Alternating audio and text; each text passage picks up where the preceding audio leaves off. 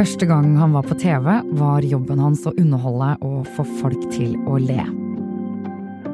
I dag er han president og styrer et land i krig.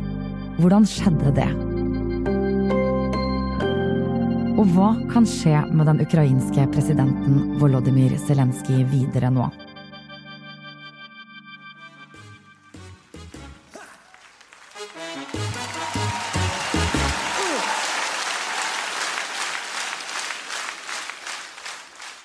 Det er vanskelig å forestille seg, men dette er et fire år gammelt videoklipp. Zelenskyj kommer dansende ut på en utendørsscene. Kamera filmer publikum. De smiler, klapper og ler. Zelenskyj begynner å vitse. Han går inn i en rollefigur og later som han er president.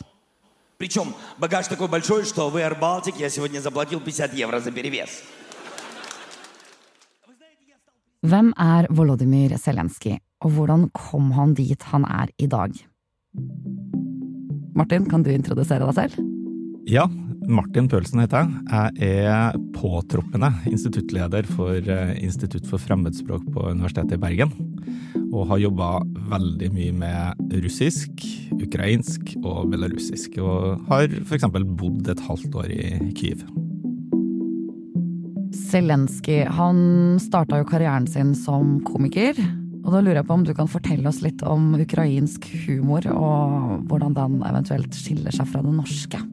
Ja, jeg tror en av de tingene som er viktig å tenke på når jeg tenker på humor og komikk i denne delen av verden, er at det, det spilte en ganske viktig rolle i Sovjetunionen eh, som en del av eh, måte, måten å kritisere makthaverne på, hvor det var stor grad av sensur. og det lå veldig sånn, tydelige begrensninger på hva det var lov til å si. Eh, så det var brukt i, i veldig stor grad. Eh, og er nok noe som henger igjen, at den litt sånn smarte formen for humor er noe som, som folk eh, har et aktivt forhold til. da. Zelenskyj bodde et par år i Mongolia som liten, men han blei født og vokste hovedsakelig opp i Kryvi Rih. Det er en by som ligger sentralt eh, nærmere sør i Ukraina, og er landets syvende største. Han studerte juss, tok en grad ved universitetet, men så, i en alder av 17, var han med i en humorkonkurranse. Og det ga mersmak. Der gjorde han stor suksess. Og, det der er organisert i ulike divisjoner. Så, laget hans gjorde det bra og rykka opp til, til, øverste divisjon. Og Det betydde at han sammen med eh, det her komikervennene sine kunne reise rundt i, i hele det tidligere Sovjetunionen.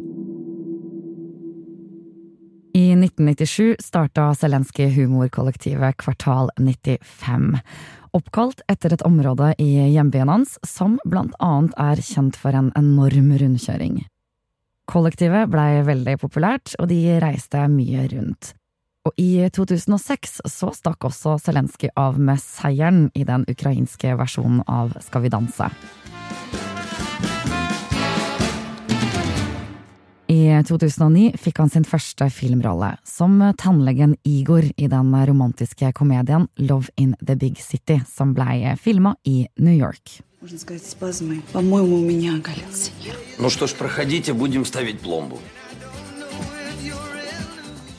I ettertid spilte han også i Love in the Big City 2, Love in the Big City 3 og en god del andre filmer.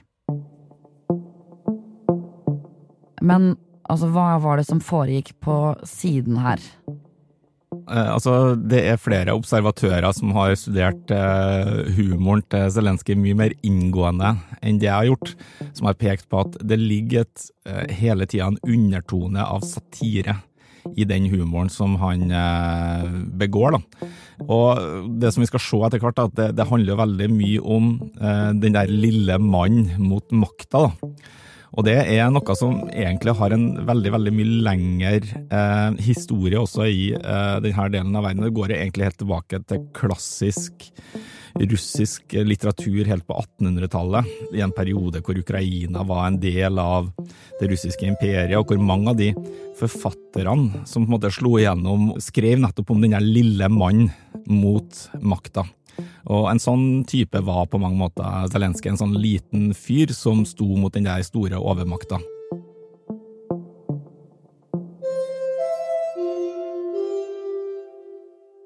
Så, i 2015 kom rollen som skulle bli starten på en ny tid i Zelenskyjs foreløpig udramatiske liv. Hva var det som skjedde i denne her serien Servant of the People? Ja, hvis vi, hvis vi bruker det norske begrepet, altså folkets uh, tjener, uh, så handler det rett og slett om en uh, skolelærer som er lut lei av maktmisbruk, korrupsjon, oligarkvelde i heimlandet, og som på en måte lar det her bare renne ut av seg i en skoletime. Og Så viser det seg at det er en av elevene hans som har sittet og tatt opp det her på mobilen sin, eh, og legger ut det, om det er på YouTube eller en eller annen eh, kanal. Og det her går viralt, da, som det heter. Det blir en eh, kjempehit, eh, og gjør at eh, han skolelæreren plutselig eh, blir en heit politisk potet, og går av sted og, og vinner presidentvalget. Men uh, veit du om det var en eh, populær uh, serie? Det var absolutt en veldig populær serie. og uh, Zelenskyj var jo en populær figur i både Ukraina og egentlig hele det postsovjetiske området, sånn fra slutten av 90-tallet og utover. Han var en, et ganske kjent TV-fjes. Men så da, i 2018, så begynner dette forholdet mellom fiksjon og virkelighet å bli litt uklart. Mm, ja, og, og en ting som er litt viktig å, å ha med i betraktninga, det er jo at eh, Zelenskyj var jo ikke helt på egen hånd. De var jo et sånt humorkollektiv, en slags redaksjon som sto bak uh, mye av den humoren som han var med å lage, og også den, den serien, da, Folkets tjener. Og sånn som jeg forsto det, så var det på en måte det her kollektivet da, som registrerte uh, Folkets tjener som et politisk parti. Og når det skjedde, så, så var det ganske mye forvirring. Eh, da sa Zelenskyj sjøl at ja, vi gjorde det bare for at ingen andre skulle kuppe det navnet, da. Og så gikk det noen uker, og så eh, plutselig, på eh, nyttårsaften, da, så annonserte han på direktesendt TV at han stilte til presidentvalget. Og det var noe som den sittende presidenten Han var ikke så veldig fornøyd med det, for det var liksom bare noen minutter før han skulle holde uh, nyttårstalen. da. Blei serien da en del av kampanjen hans? Ja, på en måte så, så ble den jo det. Det var flere ting som særprega kampanjen hans. Det ene var at han brukte veldig mye sosiale medier. og Der ser vi at han skiller seg veldig ut fra veldig mange av de her eh, politikerne eh, i, eh, i området. Og så reiste han veldig mye rundt på turné. da. Han fikk møtt folk i hele landet, og fikk sett veldig hvordan folk har det rundt omkring. Og det tror jeg var et lite sånn trumfkort for han i den eh, presidentkampanjen. Kan du si noe om uh, kampsaken hans? Ja, han var en, en pragmatisk uh, politiker. Uh, så En av de tingene han gikk veldig høyt ut på banen og snakka om, det var at han ville få slutt på krigen i Øst-Ukraina.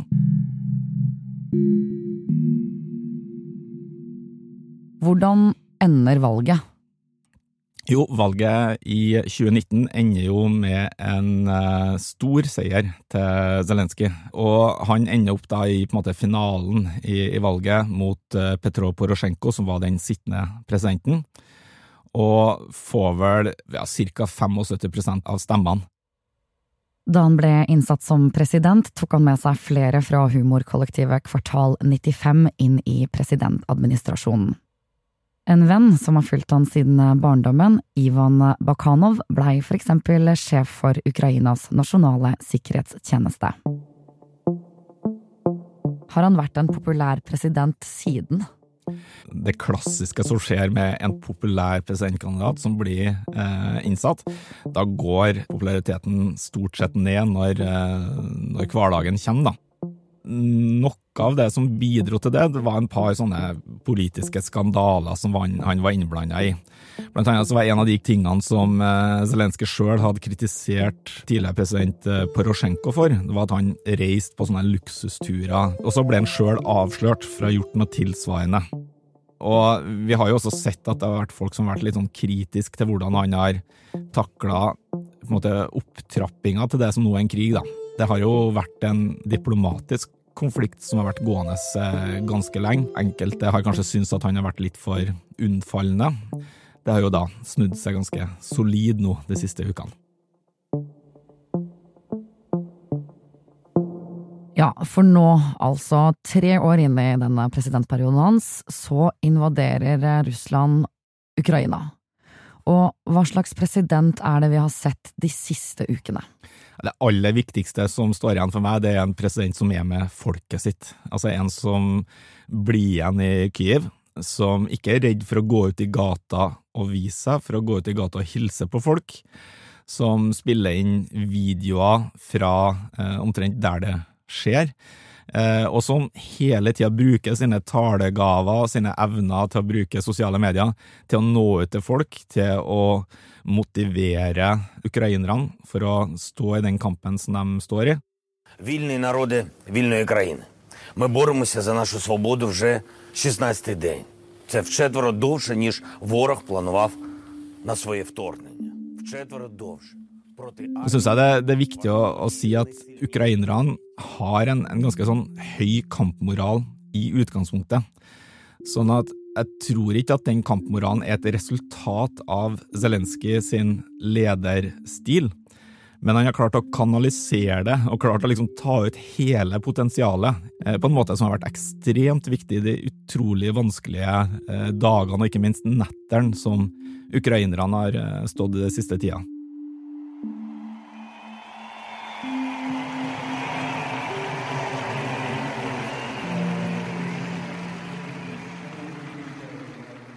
Det du hører i bakgrunnen, er en video av en folkemengde i Praha. De ser Zelenskyj tale på en storskjerm utendørs.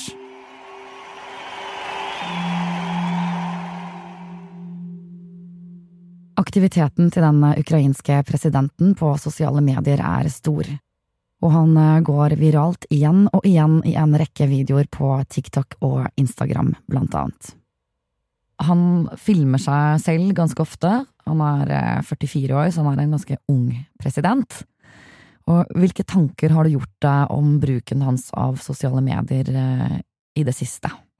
Jeg tenker at uh, Noe av det interessante er at han klarer å framstå i ulike modige. Da. Altså, Den ene dagen så er han liksom sterk og, og veldig tøff og andre dager så er han sårbar. Du kan f.eks. se at han har ringer under øynene, at han er sliten. Eh, så, så, det tror jeg er viktig, at han liksom framstår som et helt menneske. Og så tror jeg det er viktig også måten han møter folk på, da, eh, når han er ute og holder pressekonferanser. At han liksom som den rake motsetninga til Putin da, og det der berømte lange bordet som han møtte Emmanuel Macron med, så tar han liksom med seg stolen og setter seg nede blant journalistene og snakker direkte til dem. sånn tett av tett. Eh, så, så, det er en eller annen helt annen tilnærming til kommunikasjon da, enn tradisjonelle politikere i denne delen av, av verden. Ok, og så til slutt, da, hvis det er mulig å skissere noen scenarioer eh, framover, hva kan skje med den ukrainske presidenten? Har han sjans mot Putin? Ja, det har han. Eh, det er åpenbart at når eh, Ukraina har klart å holde ut så lenge som de har klart nå, så er det ikke gitt at utfallet av denne krigen er at Russland klarer å ta kontroll over hele Ukraina. Et mulig scenario er rett og slett at uh, Russland blir stående med kontroll over deler av Ukraina, at Zelenskyj fortsetter som presidenten for rest-Ukraina, kan man si. Et annet høyst mulig utfall er jo rett og slett at han blir drept. Når han fortsetter å være i Kyiv, og med den eh, bakgrunnen som vi kjenner fra russiske myndigheter, hvordan de har behandla politiske motstandere eh, de siste tiårene, så vet vi jo det at, at, det å ta livet av folk, det er, liksom, det er et verktøy de har i verktøykassa si. Så det er høyst mulig.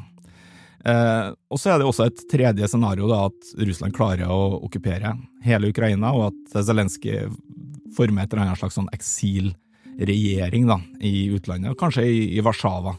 Skulle jeg holde en knapp på et eller annet i dag, så ser jeg for meg at det kanskje er første. Altså det at uh, Russland okkuperer en del, altså en, en, del av Ukraina, og så er det en del av Ukraina som forblir uavhengig. At Zelenskyj blir sittende der som president, som, som kanskje det som er akkurat her i dag ser ser for meg som mest sannsynlig, men så vil jo dagene og ukene framover vise hva som blir utfallet.